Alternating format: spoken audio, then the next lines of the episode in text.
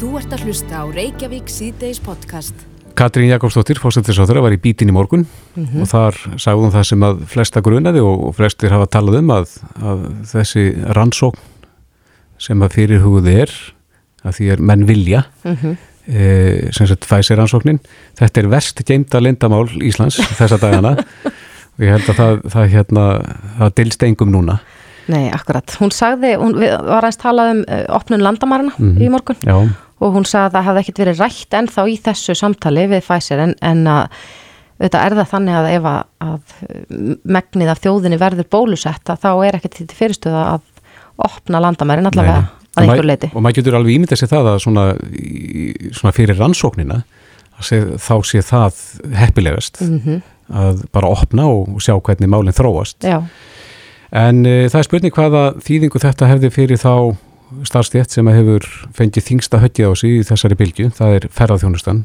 Jóhannes Þór Skúlason, frangotastjóri samtaka ferðarþjónustunar á línunni, kom til sæl. Komið sæl. Já, hvernig leggst þetta í ykkur? Já, svona að því gefnu að við svo sem vitum kannski ekki mikið um það á hvaða stíð þetta er eða, eða hversu líklegt þetta er eða hversu rætta muni ganga ef það kemur. Þetta er ennþá svo litið fyrir alltaf mann. Að þá eru kannski tvent sem við horfum á í þessu sem væri mjög jákvægt ef þetta geti gengið í gegn núna fyrir vorið og það væri búið að bólusetja segjum 60-70% þjóðarinnar einhver tíma fyrir vorið. Mm Þá myndi það annars vegar þá þýða að að það væri eins og segir og þið, uh, mögulegt að létta enn frekar á landamæra takmarkorunum og ferða takmarkorunum, sóttornum og landamærin, kannski nýður í það að allir færu bara eina skimun eða eitthvað slíkt. Um, þannig að, að minnstakosti frá þeim svæðum þar sem að væri lítil, lítil áhætta og uh, hins vegar þá að, að uh, hérna, það myndi þá liðka mjög mikið fyrir þess ferðum fólks til, til Íslands, myndi vera minni þröskuldur fyrir ferðamann að bóka ferðinga og svo hins vegar það að ef að þetta lægir nú fyrir einhver tíman núna á, á næstu tveimur mánuðum og þá getur við farið að tala um það úti á mörgóðunum að hér væri þá áfangastadur fljótlega bara frá vorinu þar sem að væri búið að bólusetja það stóran hluta þjóðarinnar að það væri ekki vandamál við væri nokkuð örug, örugur áfangastadur fyrir fólk að ferðast til og það myndi klárlega hjálpa þá bókunum og, markasetningu fyrir, fyrir vorið og vonandi þá hafa það í, sér þetta tventar að það myndi svona tímalínundar myndi alltaf færast framar á vorið heldur en núna lítur út. Er þetta eitthvað rætt svona innan ykkar raða, þessi mögulega rannsókn? ekki að öðru leiti kannski en því að, að það gera náttúrulega allir í, í bransarnum sér grein fyrir því hversu bólusetningar áallunin og hraðin á henni skiptir miklu máli Mhm. eh, varðandi þessi atriði sem ég var að nefna en eh, við náttúrulega svo sem býðum bara að frétta af þessu eins og, eins og aðrir akkurat. Það hefur ótt verið talað um einhver svona markasherferð sem að við munum eh, fara í þegar að, þessu linnir. Hún hlýtur nú að breytast eitthvað ef við verðum fyrsta COVID-lausa landið, ef að má orða það þannig. Já, það má segja, þessi markasæðferð hefur náttúrulega verið í smíðum og er að mörgu leiti vel undirbúin og svo kannski verið meira spurning hvenar hægt að hleypina stokkonum heldur en, heldur en annað og, og þar hefur verið svona svolítið beðið eftir því að tappin fer úr flöskunni með það að fólk sé tilbúið að fara að bóka. E, eins og stendur þá er eitthvað í það ennþá en eftir því sem að þetta gerist fyrr og hraðar þeim mun þeim mun auðveldra verður að, að segja frá þessu, bæta þessu þá sem atriði inn í markasetninguna sem að mun þá, þá hjálpa til. Já, þannig að þið í rauninni hjá samtökunum, þið hérna óskið þess kannski ekkert heitar en að, að af þessu verði? Ég held við eh, getum alveg sagt að já, að þetta væri, þetta væri gríðarlega jákvæð liftistöng fyrir allan undirbúning fyrir, fyrir hérna vorið og sumarið. Mhm. Myndi, myndi klárlega gera það að verkum að það væri, væri öll viðspilna yrði hér auðveldari. Já, sjáu þið fram á sko, þungan róður og, já, við, viðspyrnan verði ekki eins auðveld og kannski allir vonast.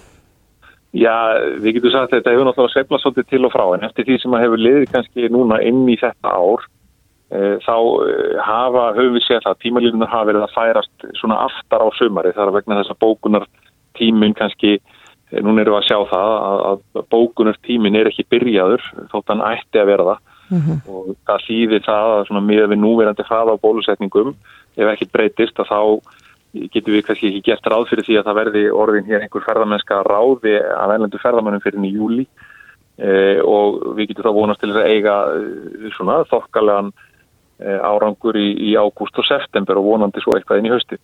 En, en ef að einhverjum ástæðum þessum eða öðrum þessi bólusetningar áallun flýtist gríðarlega þá eigum við þá möguleika á því að vera byrjuð að, að vinna hér í, í júni með, með einhverjum komu verðlindar ferðamanna sem að myndi þannig að bara flýta þessum heila mánu og gera þá júli, á, gera þá júli, ágúst og september enn betri mm -hmm. ef að líkum lætur. Hvernig er ferðarþjónustan uh, í stakkbúin til þess að setja allt í gang aftur? Hún, það er nú svona, svo sem afar misjamt eftir fyrirtækjum auðvitað. Uh, mörg er að liggja í dvala nánast og eru að býða eftir því að það færist nær. Önnur eru byrjuð að undirbúa markasetningu, þetta fer aðeins eftir því hvar minn er á landinu, í hvaða geirum þeir eru og annað slikt, hvernig staðan á fyrirtækinu hefur verið fyrir COVID og, og fleira. Mm -hmm. þannig að, að e, svona heilt yfir myndi ég segja að andin er klár í fólkinu en það verður síðan að koma aðeins í ljós hvernig fólki gengur að, að komast í gang og vinna úr þessum skuldastappa sem hefur, hefur hérna sapnast upp sem að mun klárlega ef ekkert er að gert sko hamla því að fólk getur ráðið jafnmarka í vinnu og, og annað slíkt og, mm -hmm. og, og syngt á þeirri þjónustu eins vel og hægt er. Þannig að, að það, það eru svona eins á hluti sem við þurfum að horfa í og mögulega ræða við stjórnvöldu um hvernig þetta koma til mótsvið en, en um, heilt yfir þá er, þá er hugur í fólki. Og fólk til þess að vinna störfin, er það enn til staðar? Það verður að koma bara aðeins í ljós. Við vitum að það er orðið tölverður svona svona, hérna, hvernig segir maður á íslensku, spekilegi mm -hmm. úr greininni. Það er að segja að fólk með þekking og reynslu mikilvæga er kannski komið í önnur störf núna og það er ekki gefið að það komið tilbaka. En við veitum það líka að, að, að hérna, fyrirtækin munur reyna það en, en það er lítur út fyrir að það verði bölveru kostnaður og tími sem mun fari í það sjálfur nýtt fólk líka. Mm -hmm. Um, við veitum að Íslendingar voru duglegir að ferðast innanland síðasta sumar og uh, hefur, hefur það haldið áfram núna í vetur? Hefur það heyrti í, í þínum félagsmönnum hvort að, og eru kannski einhver, einhver landsvæði betur sett en önnur? Já, þetta hefur nú gengið núna sérstaklega eftir jóli, núna í janúar og inn í februar, þá, þá höfum við frétta því að, að það er nokkur helgarbusiness í gangi, sérstaklega á ákveðnum svæðum. Uh, ég hugsa að, að svona hér á milli kvítána og svo norður á Akureyri sé þetta nú kannski helst. Mm -hmm. um, þannig að, að uh, það hafa verið svona ímis, þessi gungu skíða námskeið og fleira sem að menn hafa verið að nýta sér. Uh, fólk sem ekki hefur farið til útlanda eða sem venjulega kannski hefur farið eitthvað til útlanda á þessum ástíma er núna að nýta sér þá fjónustu innanlands í staðin ímis, tilbúð þjá gisti og veitingastöðum og aðfreyingu mm -hmm.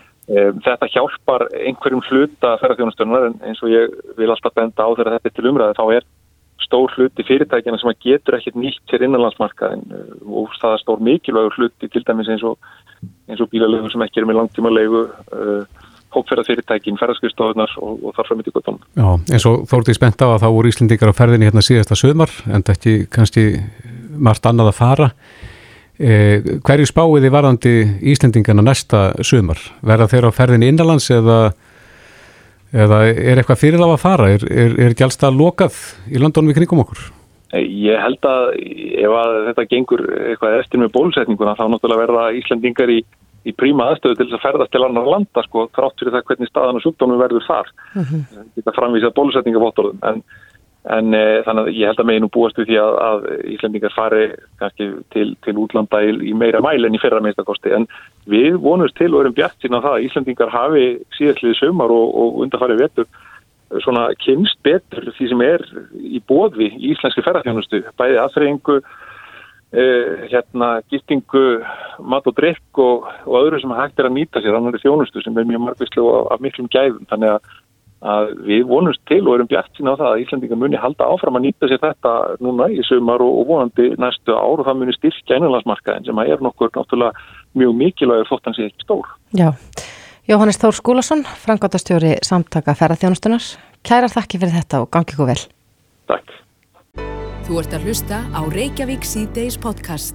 Það er á allra vörum að hér verði mögulega framkvæmt rannsókn. Já. Eh, að Pfizer muni bólusetja megin þorra þjóðarinnar. Mm, það er unnið hörðum höndum að því að, að ná eitthvað skona samningum. Já, en það er ekki allir sem eru, eru sko tilbúinir að, að kingja því að þetta verði gert án þess að nokkrum spurningum verði svarað áður. Nei. Það byrtist grein í, í fréttablaðin í dag og þar, þetta eru heimsbyggi professorar og, og dósentar í, í heimsbyggi sem að mm -hmm. er mhm. að kalla eftir svörum um siðferði þessar rannsóknar. Já. Einn af þeim er Sigurður Kristinsson, hann er professor í heimsbyggi við Háskólan á Akureyri, kom til sæl. Læsaður. Já, hvaða spurningu viljið þið fá svarað, svona áður en það er ráðist í þessar ansókn? Sko það veru, það við skiptum nú eða spurningunum í, í, í þrend og í fyrsta lagi þá finnst okkur sko, þetta kemur náttúrulega allt saman eh, svona freka brátt að en þó ekki að því að það hefur verið svona þessi orðrumur á kreiki mm -hmm. og, og, og hann svona einhvern veginn magnast og, og það er eins og það eigi, maður fær svona tilfinninguna að hérna svo komið skindilega einhver ákverðunum að þetta verði gert og þá og þá bara verði 1, 2 og 3, þá verði allir bara bólusettir í einum grænum mm -hmm. og þá er í raun og veru orðið of sent sko að fara að huga að þessum þáttum sem heita ja, upplýsingar um þáttöku í vísindaransókn og þá upplýst samþyggi og, og bara hva, hvers eðlið þessi rannsókn er. Og það er bara ákveðin sjálfs, sjálfsögð atrið sem verður að fara í gegnum þegar vísindaransóknir eru, eru gerðar. Mm, hver eru þau atriði helst? Sko það er nú í fyrsta lagi viljum við bara spurja um, þú veist, gagsemi rannsóknarinnar.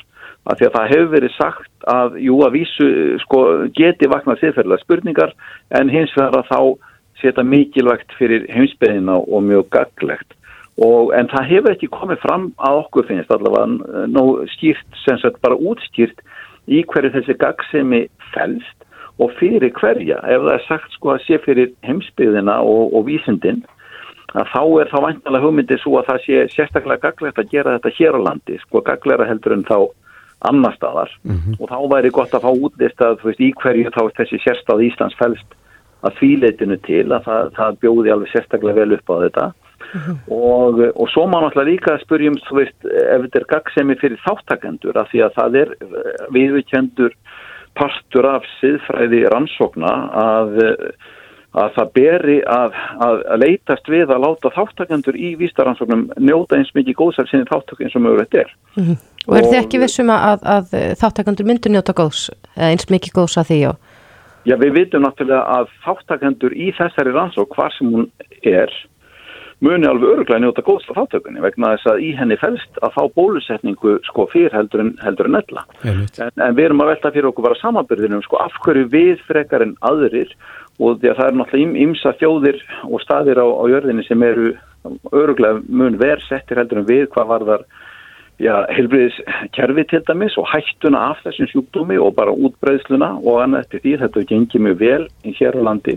Þannig að það er svona, það vekur þessa spurningu. Er að virkilega þannig að ef þetta ger að sko að gaggsemi fyrir þáttakendur verði meiri hér heldur en ef að rannsókninni er gert annar staðar? Mm -hmm. og, og Ten, hérna þá, já, þá veldur maður fyrir sér sko, er þá kannski á endanum bara að vera að hugsa um gaggsemi fyrir okkur og það er náttúrulega mjög skiljanlegt að hver sér sjálfum sér næstur og maður vil sko gagsa mig fyrir sjálfum sig en þá á ekki að kalla það einhverjum öðrum nöfnum og undir því yfirskinni að við séum að hjálpa heiminum og þess vegna svona erum við til í að gera þetta sko. Er, eru við að tróða fram fyrir röðina eða eru við ekki að því? Þetta, þetta eru svona spurningar sem vakna held ég bara hjá almenningi og, og það, það hefur ekki farið fram umræða og hefur ekki komið fram upplýsingar sem gætu hjálpa þeirra umræðu. Er, er rámt af þjóðaleitugum eða ráðamönnum að að svona reyna að berjast fyrir sína þjóð og reyna að koma okkur framar í rauðina ef að, ef að það væri þannig? Uh, sko, þetta er nú svona, já, sko ef þú ætti að meta hlutina uh, út frá siðferðlugum hérna, mælikvörðum, að þá er náttúrulega uh, sko það að berjast bara fyrir sínum eigin hagsmunum og hugsa bara um þá. Það er ekki síðferðileg hugsun, það er svona hugsun út frá einn hagsmunum. Og það líkur náttúrulega svolítið í alþjóða stjórnmálum að hvert ríki er að berjast fyrir einn hagsmunum. En og það er ekkert yfir þjóðulegt sko vald sem að í, í raun og veru kóordinar því eins og ef, að, ef að það væri bara eitt alheimsríki eða eitthvað slíkt sko. Og þess vegna verður þetta hagsmuna baráta milli þjóða og sem að náttúrulega gegnum söguna náttúrulega eru ofta tíðum bara stríð og allt mögulegt. Og það er ekki siðferðilegt í raun og veru siðferðileg samskipti en spurningin er hvernig viljum við haga ákvörðunum og samskiptum þjóða í baráttunni við þennan heimsfaraldur. Viljum við hafa það lögmálprumskoðarins mm. eða viljum við gera það með síðlegum hætti eins og til dæmis uh, grunnur var lagður að með COVAX samkómalæginu strax í april síðasta ári sem að þjóðir hafa verið síðan að svíkjast frá. Sko. Mm -hmm. Þið tali líka hérna um að sko er það velta upp þeirri spurningu hvort að samstarfi Íslandinga við önnu ríki verði eftir vil telt í hættu með þessu rannsókn. Er þið þá að meina bara að aðra þjóðumuni fari fíl út í okkur fyrir að tróða okkur framar í rauðina? Já, sko, ég raun og veru, já, að, að hugsunin er, er einfallega þessi að eh, sko allavega ég segi bara fyrir mig sem borgar í þessu landi þá vil ég að það sem ég tek þátt í í, í hérna um, já, því þess sem hér er gert að við, ég geti og við getum sem íslendingu gert það bara með og borðið höfuð hátt og ekki þurfa að skamast okkur fyrir það e, sem sagt gafkvært einhverjum öðrum og getur þá svara að gefi bara heiðalega svöru spurningunni hvers vegna gerðu þetta? Og hérna og maður veit ekki sko, með hvaða hætti í raun og veru þetta getur komið fram í samskiptum á milli ríkja en, en, en orðsporið er bara verðmættast af öllu og, og, og hérna við viljum að hafa það orðspor að okkur sé treystandi í samstarfum milli þjóða og við séum ekki sem sagt svona algjörur eigin hagsmun á púkar þó allir, allir skilji það að, að, að sko auðvitað eru allir, þurfa allir að huga sínum eigin hagsmunum. Mm -hmm. Hver heldur að afstafa svona þjóðurina, hversu margir heldur að myndu ekki vilja taka þátt í þessu af svona siðferðilegum ástæðum? Sko ég, ég, ég sko vona að sjálfsögða niðurstaðan verði svo að það komi fram mjög bara góð siðferðileg rauk fyrir þessu og útsýringar á framkvæmdini þannig að bara sem allra flestir geti gert þetta með góðri samvisko og tekið þátt og, og siðferðar ástæður til þess að taka ekki þátt verði bara litla sem engar. Ég auðvitað er það að væri það óskar staðan en, en ég get ekki spáðneinu um einhver hlutföll það, það sem okkar punktir raun og veru sá að það er bara partur af, af líðræðinu og líðræðismenningu að upplýsingar komi fram þannig að fólk geti eh, tekið afstöðu mm -hmm. og og út frá, þeim, út frá bara góðum rökum og góðum upplýsingum.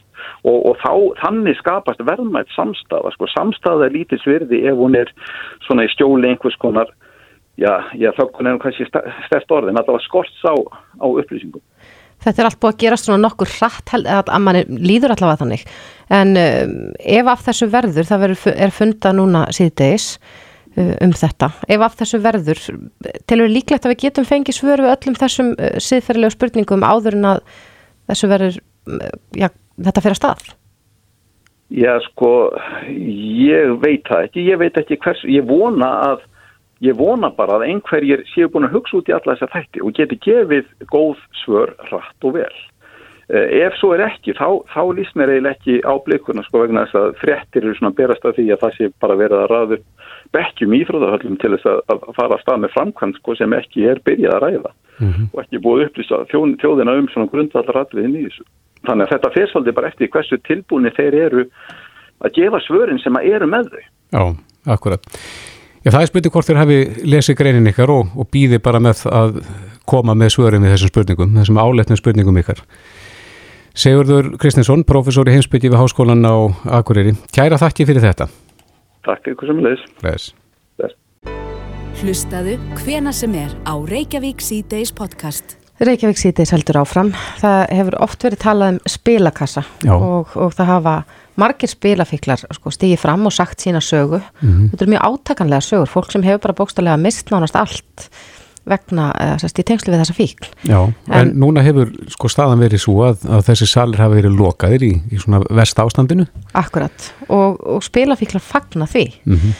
En ég rakst á grein hérna inn á, á vísi.is í kjær sem ber heitið er spilakassi þínu hverfi og þar er formaður samtaka áhuga fólk sem spila fíkna að, að tala um svona þessa spilakassa sem leynast hér og þar sem eru ekki endilega inn í þessum sko skipuluðu spilasölum. Mm -hmm.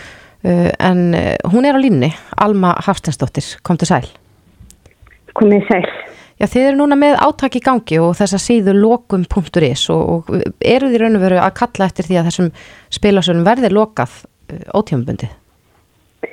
Já, það er svona hérna ákall okkar að spilakossum verði loka til frambúðar mm -hmm. og ástæðan kannski fyrir þessu verkefni í lókumpunkturis er að við letum gera fyrir okkur skoðanakönnun uh, voru 2020 og niðurstöðu þeirra könnunar uh, sem þetta liti í ljósa 86% íslensk, í, eh, íslendinga vilja að spilakassar verði lokaðir eftir COVID. Mm. Þetta var, þetta, þessi könnum var gerað Gallup segir og hversu margi voru það sem tóku þátt í henni? Það voru tæplega 600 fylsmer. Mm -hmm. Ég er svo sem hérna, uh, við fengum Gallup til að gera þetta fyrir okkur þannig að það er einmitt ekki eitthvað vesen að við hefum eitthvað átt við það. Nei. En hverjir eru það sem að er að nota þess að spila sali og, og spila kassa? Er þetta upp til hópa fólk sem á erfitt með eh, þessa fíkn eða, eða er þetta almenningu svona bara þverskurðurinn af almenningi?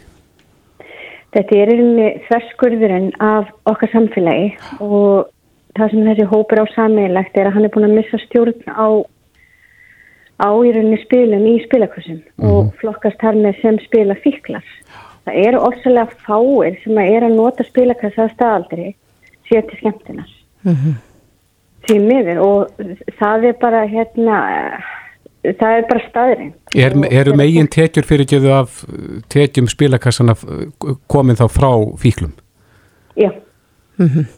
Mér fannst mjög svona já, áhugavert að sjá í þessari grein sem þú skrifaður að á Íslandi eru 872 spilakassar og þar af til dæmis bara eins og ég sé hérna í greinni 182 stykki bara í postnumurnu 200 Já Er þetta þá í Það er sláandi tölur mm -hmm. Og hérna eitthvað sagði nú eitthvað tíman að það væri gott að bú í, í kópóin en ég efast um að hérna fóreldra batna sem er í grunnskóla þarna í grænt þess að spilakassa viti af þessu. En, en, en það eru þó aldurstakmarkar það ekki, en, en eru þau ekki virt? Nei, og það er svona eitt af því sem við höfum gaggrínt að sölustæðinir, veitingahúsin, sjóppurnar, þau eru að fá greitt fyrir að vera með spilakassana. Þannig að sko fjárasleir hagsmunir eru bara í, í húfi og mögulega eru það ekki réttu aðlarinn til að sinna eftirlitinu. Nei. Og við veitum bara til þess að mjög ungi krakkar og bara reynilega börn er að spila í þessum spilakvæsum og hafa verið að gera það í gegnum ári. Mm -hmm. En Alma, segjum það ef að, ef að þessum stöðum er lokað og þessum spilakvæsum, ja. myndi þá ekki bara fólk fá útrás fyrir fíknina með öðrum leiðum?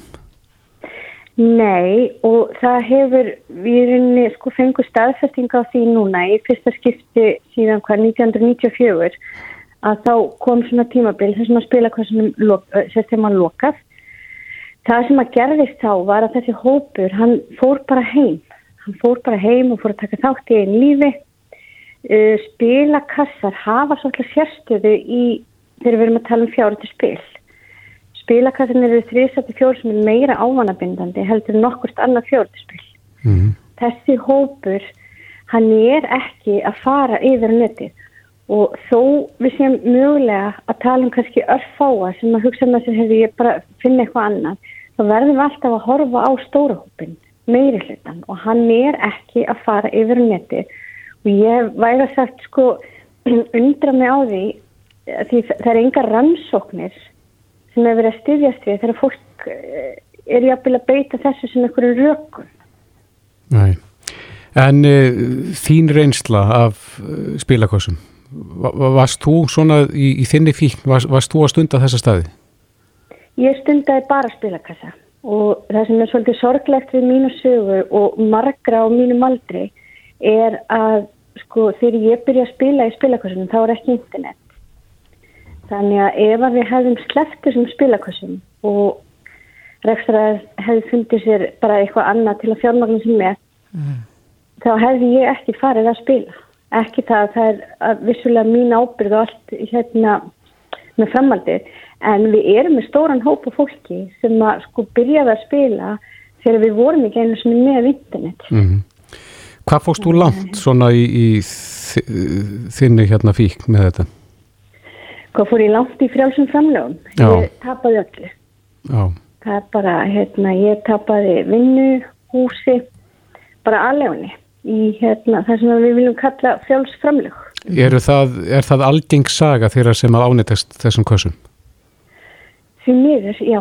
Og það sem að sko gerir þetta enda verða sko er að fjölskyldu spilafíklana. Það eru ofta að borga upp skuldir, það er verið að fá lán hér og þar og hérna þetta rannsóknir sína að spilafíkn eins einstaknings hefur áhrif á 6 til 8 aðra. Mm -hmm. Þannig við erum ekki bara að tala um spilafíknum sjálfa, við erum að tala um börnið þeirra, við erum að tala um sískinu þeirra, makarna þeirra, fóreldra þeirra, vinnufélaga, vinnuveitendur. Akkurat. Þetta er svo miklu, miklu stærra.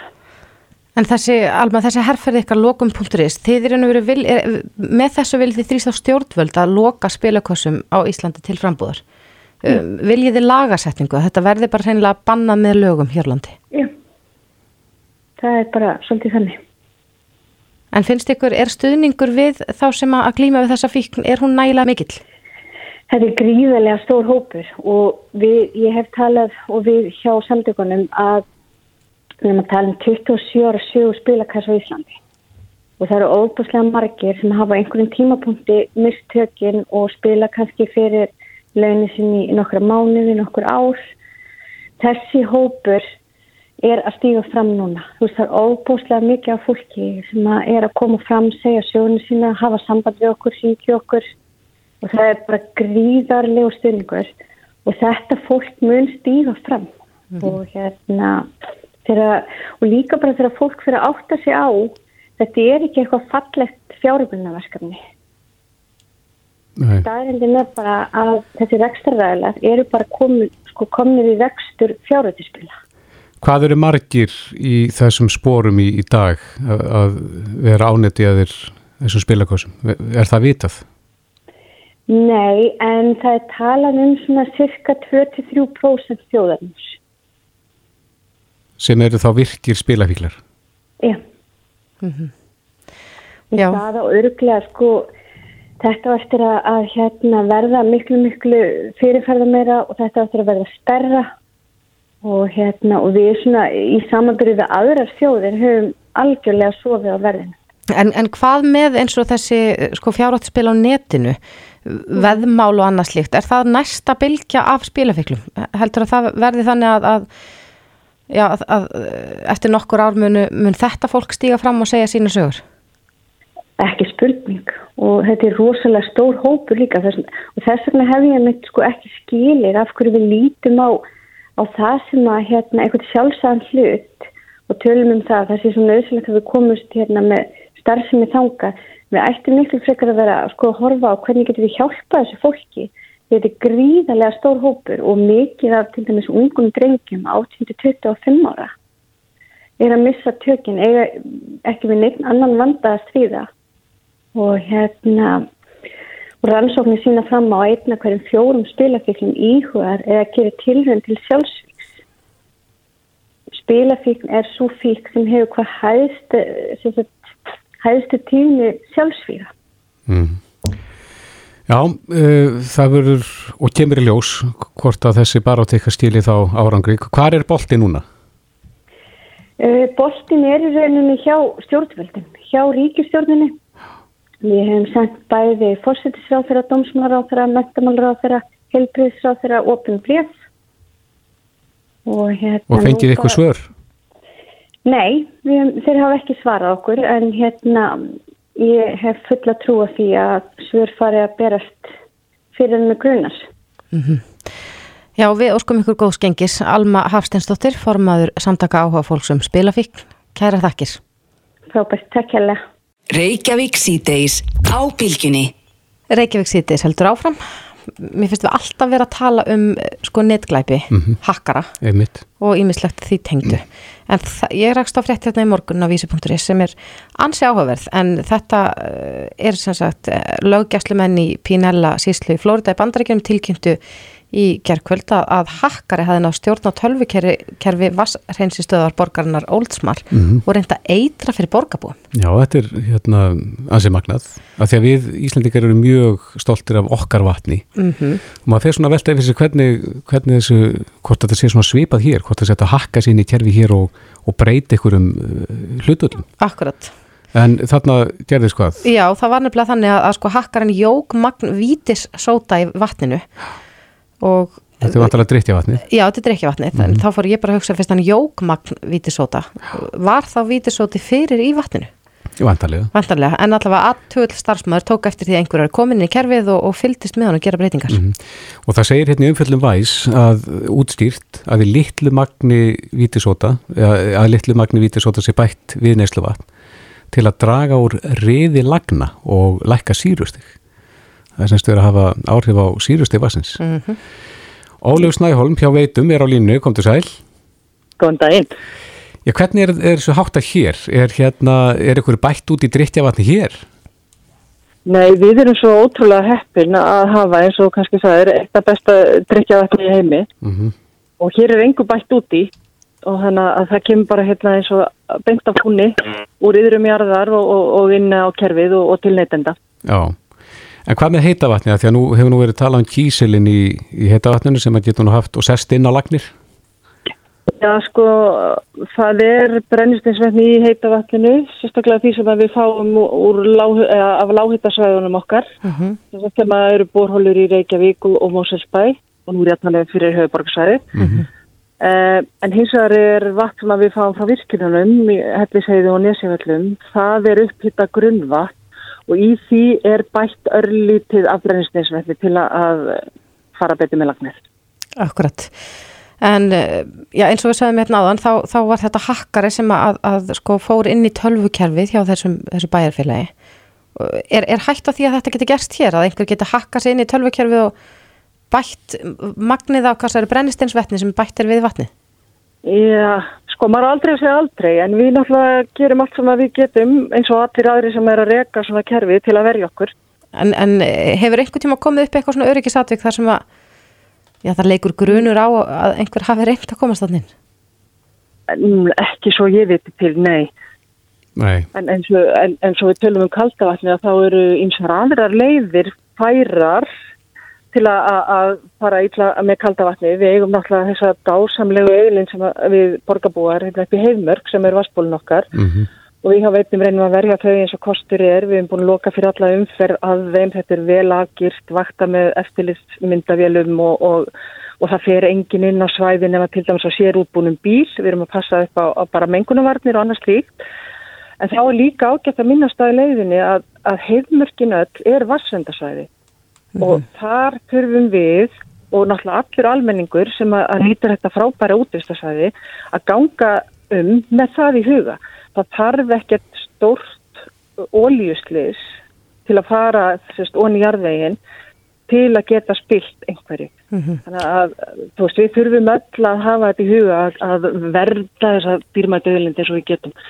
Já, en, en er það aðalega ólíjan sem að er svona áhættan á þessum vassvendarsvæðum?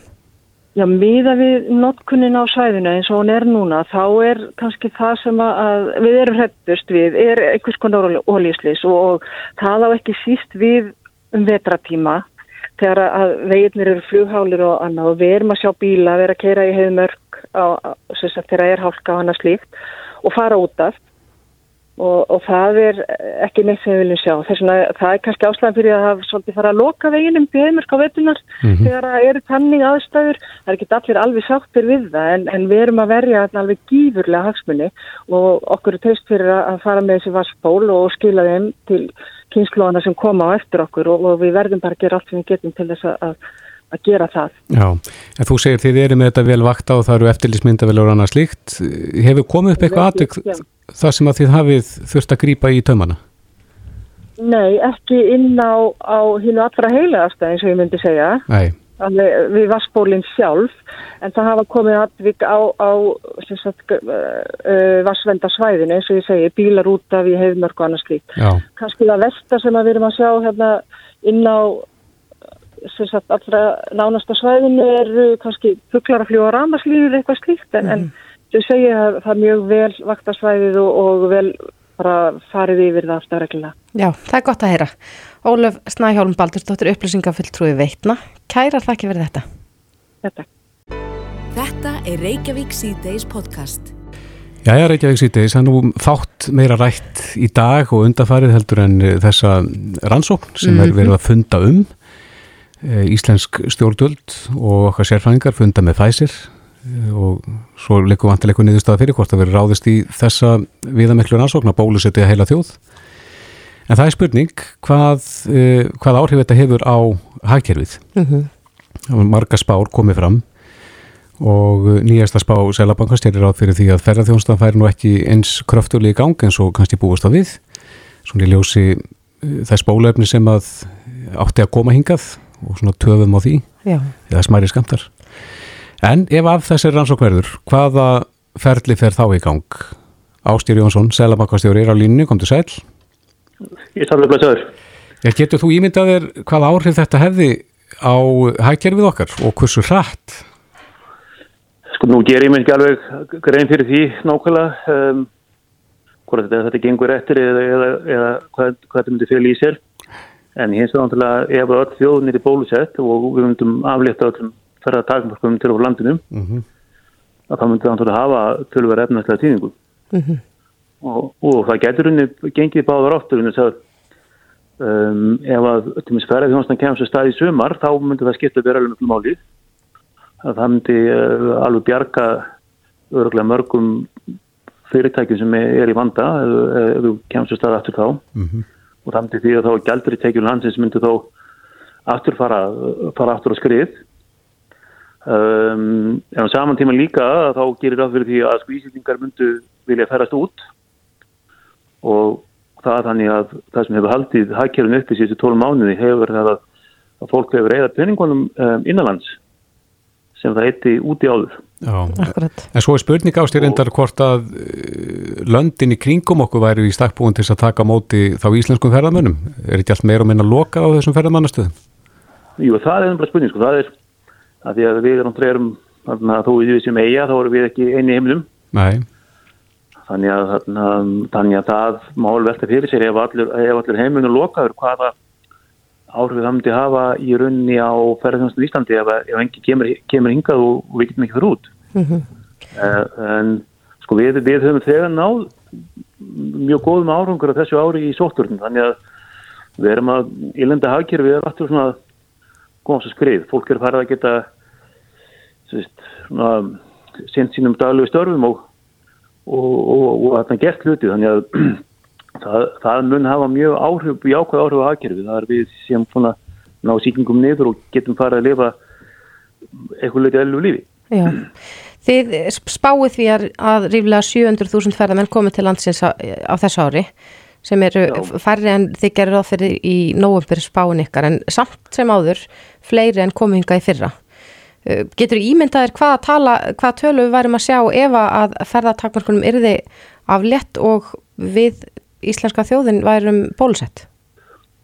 Ég er andur að geta sko ímyndaðum aðskonar hluti, ég veit ekki hvað hjálp það eru fyrir hlustendur að hera það. Ég, sko, það sem við gerðum ráð fyrir því að ferðarþjóðan myndi taka aftur við sér á þriði ásynningi svona í, í haust eða ágúst september eða eitthvað álíka um, og, og þá voru við reknað með því sko að, að þá myndi eitthvað fyrir trafík sem að ásist á sömurinn myndi bara koma fram þá það var bara það mikið af fólki sem að uh, var að býða eftir því að fá að ferðast þannig að við vorum að spá því að það kemi tölvu kraftur í ferðið og fleira þá hún byrjaði til dæla sent mm -hmm. um, þannig að ég held að um, sko meða við það hvernig þetta gekk í, síðasta sumar það sem takmörkunum var aflitt í hvað einn mánu eða eitthvað svolítið að minnir og við vorum þegar konum með 50 ferðamennin inn, inn í landið þegar þetta hefur júli águsti kolga bara á, á mjög skammi tíma mm -hmm. að þá gætu við alveg séð sko um, ferðum að taka við sér til dæla kraftulega í sömar ef, að, ef að það hefur gengið frá þessu ef, ef, ef við verum öll bólusett sko fyrir þann tíma Akkurat En þetta er allt, þetta er allt sem mann bara sko segir sko, hérna bara hafði spekulasjónir sko. Já, Já, akkurat. En og, kannski áður við missum þú símanum ástýr, hvað hefur Sæðlabankin eitt háum fjárhæðum í að verja krónuna í þessum faraldri? Það við ætlum sér ekki hvað kom verið eitthvað 140-50 miljardar líka. Já, sem að hefur bara kostað að styrkja krónuna, handvirt. Já, já. Já, sko við, sko, stór hlutið að þessum yngreifum átti stað þá voru elendilega vel að fara út. Við náttúrulega höfum, höfum verið að græða á, á þessum yngreifum að því að Sælabankin kefti henni gældir í og árunum hvað, 2014, 15, 16, 17 þegar gengi krónar var miklu herra. Mm -hmm. Þannig við, við þetta, þetta eru mjög ábata sem hann vistið fyrir okkur. Ef við getum stundar þetta að kaupa gældir þegar krónir há og seltan þegar hún lág sko.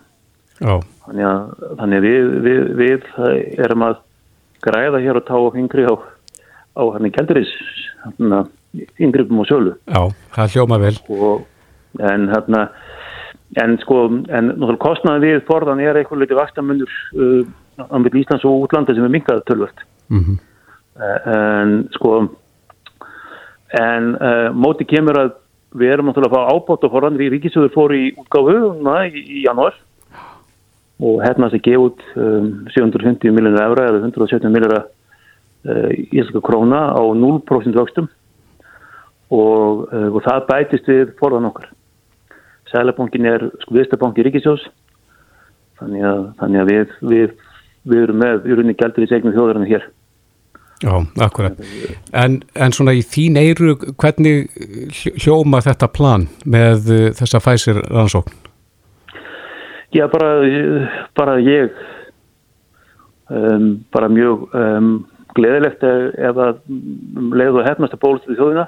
Það er líku fyrir að leiðin útrúðu sem faraldri er, er bólusetning og því fyrir sem hún kemur til minn betra á og hérna út, út frá öllu sjónum eða líka bara, líka bara út, á, út frá hérna bara hérna skólagöngu hérna barnum okkar og, og, og annað sko. Já, akkurat. En, en, en ég er bara hér bara eins og hver annar almenni borgari þegar, þegar, ég, þegar, þegar ég segja þetta. Já, Ástyr Jónsson, Sælamakastjóri kæra þakki fyrir spjallið. Allt í lagi, takk að þið fyrir. Reykjavík síðdeis á Bilginni podcast. Um, Nokkru til svars hér um uh, COVID-ið og, og þessa fyrirhuguðu bólusetningu stórfyrirtækisins Pfizer ef, ef að umsemst eigum að ganga því tilbúði? Já, það er okkur hagstætt, já, engin spurning.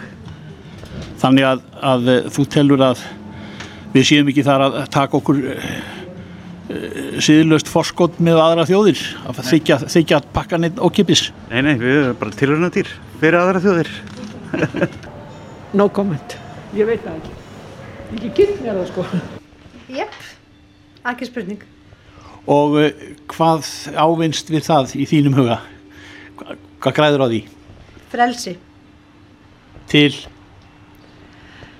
Að ferðast erlendis og fá aðra til okkar Til miður Vilt að Pfizer semja við okkur og, og það strax í dag og bólusitt í alla þjóðina hér bara í einum kvelli.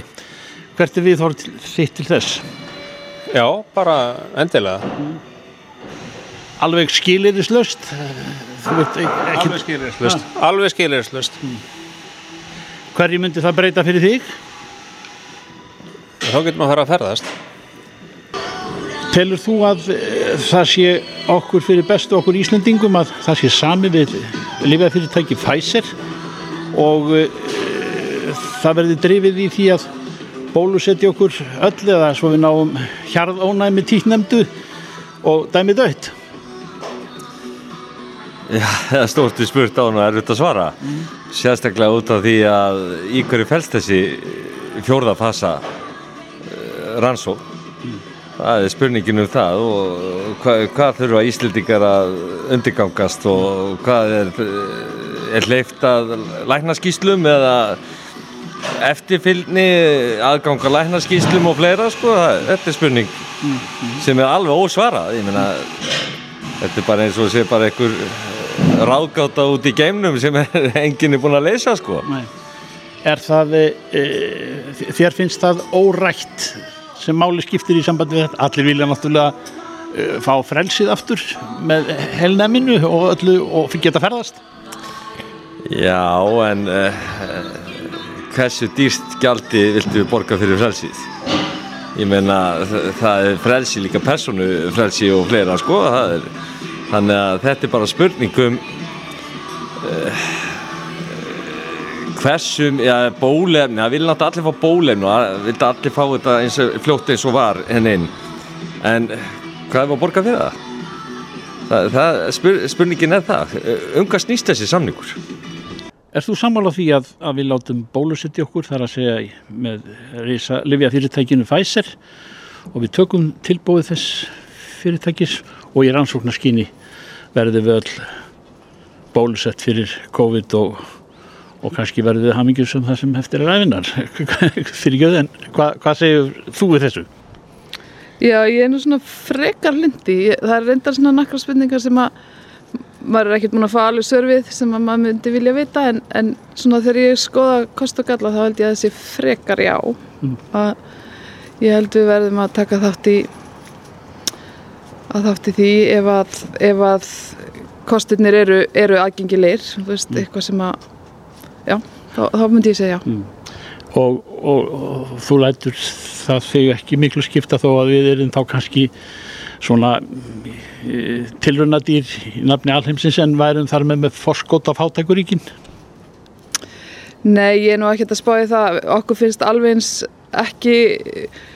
eh, Mér, mér finnst hugsunin að nota alltaf fátakafólkið í tilrunarskilni ekkert, ekkert góð heldur. Þannig að, ég er ekkert vissum að það sé eitthvað sem að við, við viljum að nota bara þau í það.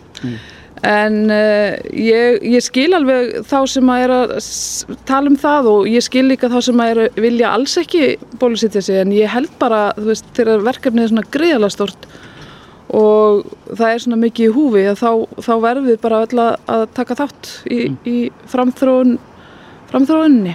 Ef þú ættir að nefna eitt það sem að þú eh, sko ert vilt ekki, hvað, hvað, hvað óttastu þeirra, eitthvað í eitthvað í þessu sem að þú er svona kærið ekki um að svo miklu leiti sem þú þekkir til málsins?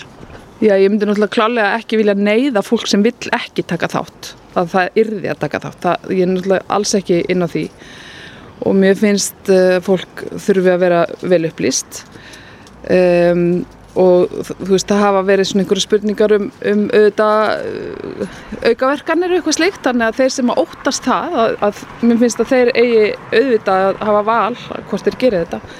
En ég skil líka aftur á móti að við þurfum að vera ákveðið öruglega einhver stór hluti eða prósenda sem tekur þátt til þess að þetta sé gilt. Þannig að, hérna, að valið held ég að sé mikilvægt. Reykjavík síðdeis á Bilginni podcast.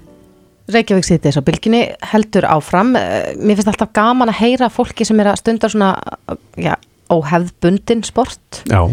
Við tölum til dæmis um daginn við, við konu sem er í því að tjalda mikið í, að vetri til. Mhm. Og svo er, já held ég alveg ágætla stór hópur af fólki í Hérlandi sem að uh, stundar brimbretti, sem að stundar brimbretti. Jú, er það ekki? Já, af miklu kappi. Já.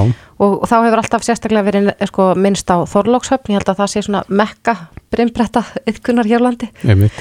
En uh, á línunni er Steinar Lár, uh, formaður brimbretta félags Íslands, kom til sæl. Sæl veriði, sæl. Já, s- segðu okkur, eru, eru margir í þessu sporti hér á landi? Heyri, það hafa mörg hundru manns fara á námskeið hjá Arctic Surface sem er eina, eða svona, jú, held ég eina fyrirtæki sem er að bjóða upp á námskeið þessu. En það er ekki margir sem endast, en það er þetta bölva volk að vera í ísköldum íslensku sjó. Já, Það hver, eru kannski 200 200 manns í dag sem að stunda þetta. já, svona harður kjarni. Já, En uh, er þetta aðalega stunda þá að sumri til eða eru þið að allan ásins ring? við erum að allan ársæsing, en það er hérna erfitt að eiga íslenska náttúru sérstaklega þegar skamdi er eins og núna. Mm Það eru mikil sjáaföll á Íslandi og flestar öldur virka ekki nema annarkvort bara í flóðu eða fjöru. Þá þarf að stim- stimpla þetta inn akkurat uh, með byrtu skilurðum. Svo er að verða þess að hluti á Íslandi. Það er erfitt að treysta á það, þannig að þetta er svona eins og að træða nál oft og tíðum að reyna að finna öldu sem að virka hverju sinni. Akkurat. Er, er mikill munur, og ég, ég ger mig grein fyrir því að, að það er auðvitað mikill munur á hitastígi, en, en hvernig er, er sko það stundar brimbretti hér á landi samanbúri við einhver staðar mun sunnar? Á Íslandi erum við að eiga við það sem að kallast uh, bara vindöldur. Það er vond veður sem skapar ölduna. Mm. Víða annar staðar þá er aldan, hún uh, myndast af öðrum kröftum og hérna þar leðandi erum við, ertu þá kannski bara í góðu veðri en ertu að fá stóra öldu. En hérna erum við meira volki. Það sem að hérna er, er erfið að eiga stýttri glukkar. Það séðan slotar veðrinu og þá myndast kannski gluggi upp á 8 klukkutíma og, og þá er þetta að henda sér út í sjó og og taka svona restin af læðinni sko. mm -hmm. En þarf ekki að finna síðan rétt að staðin þar að þið fáið þá mjúka lendingu þegar þið komið upp að ströndinu en ekki eitthvað stórgríti Jú, jú, það, það er mikilvægt aðgengi og vegir og annað slíkt Sjálfur er ég með unimokkbyrði á 48 tómi dekkjum til að komast á staðið sem að hérna, eru utan vegakerfis og umvetur og slíkt. Það eru stærri og meira öldur umvetur mm -hmm og þeir sem er allra harðast í því þeir eru margi hverju með húsbíla til þess að geta verið á staðnum og, og gist út á landi út. Í að nú er strandlegin bara ansi laung og hérna það er týst að þurfa að kaupa sitt gisting og vera frá. Þannig að best er að geta verið bara alveg við sjóin Já. tilbúin í þetta þegar aðstæðina smelda saman En Steinar, maður hefur oft heyrst þorlóksöfn nefnda í þessu samhengi. Hvers vegna er það? E, eru skilirðin sérstaklega góð þar eða hvað? Já, þau eru, það myndar svona smá tangi út við e, vitan í þólsöður og ríkjandi átt hérna á suðustrónin er suðvestanátt og öllur hafa þann einlega að þær geta sveikt fyrir hótt. E, það er beigja, á ennsku er það að kalla, svo, að kalla wrap around. Og í þólsöður eru einstakar aðstöður, e, það eru með þeim að það er botnin sem stýrir hvernig aldan brotnar. Mm -hmm. og aldan í þólsöður, hún er þess að helisa Hún er mjög laung og hún er meðin lengri í Evrópu, hún er meira en 400 metra sem hún getur staðið á brettinu. Og hún virkar bæði flóð og fjöru. Og það eru svona uh, stórgríti sem eru rúnuð í botninum sem að rúna þá yfirbor sjáar og gera hann að sletta líka.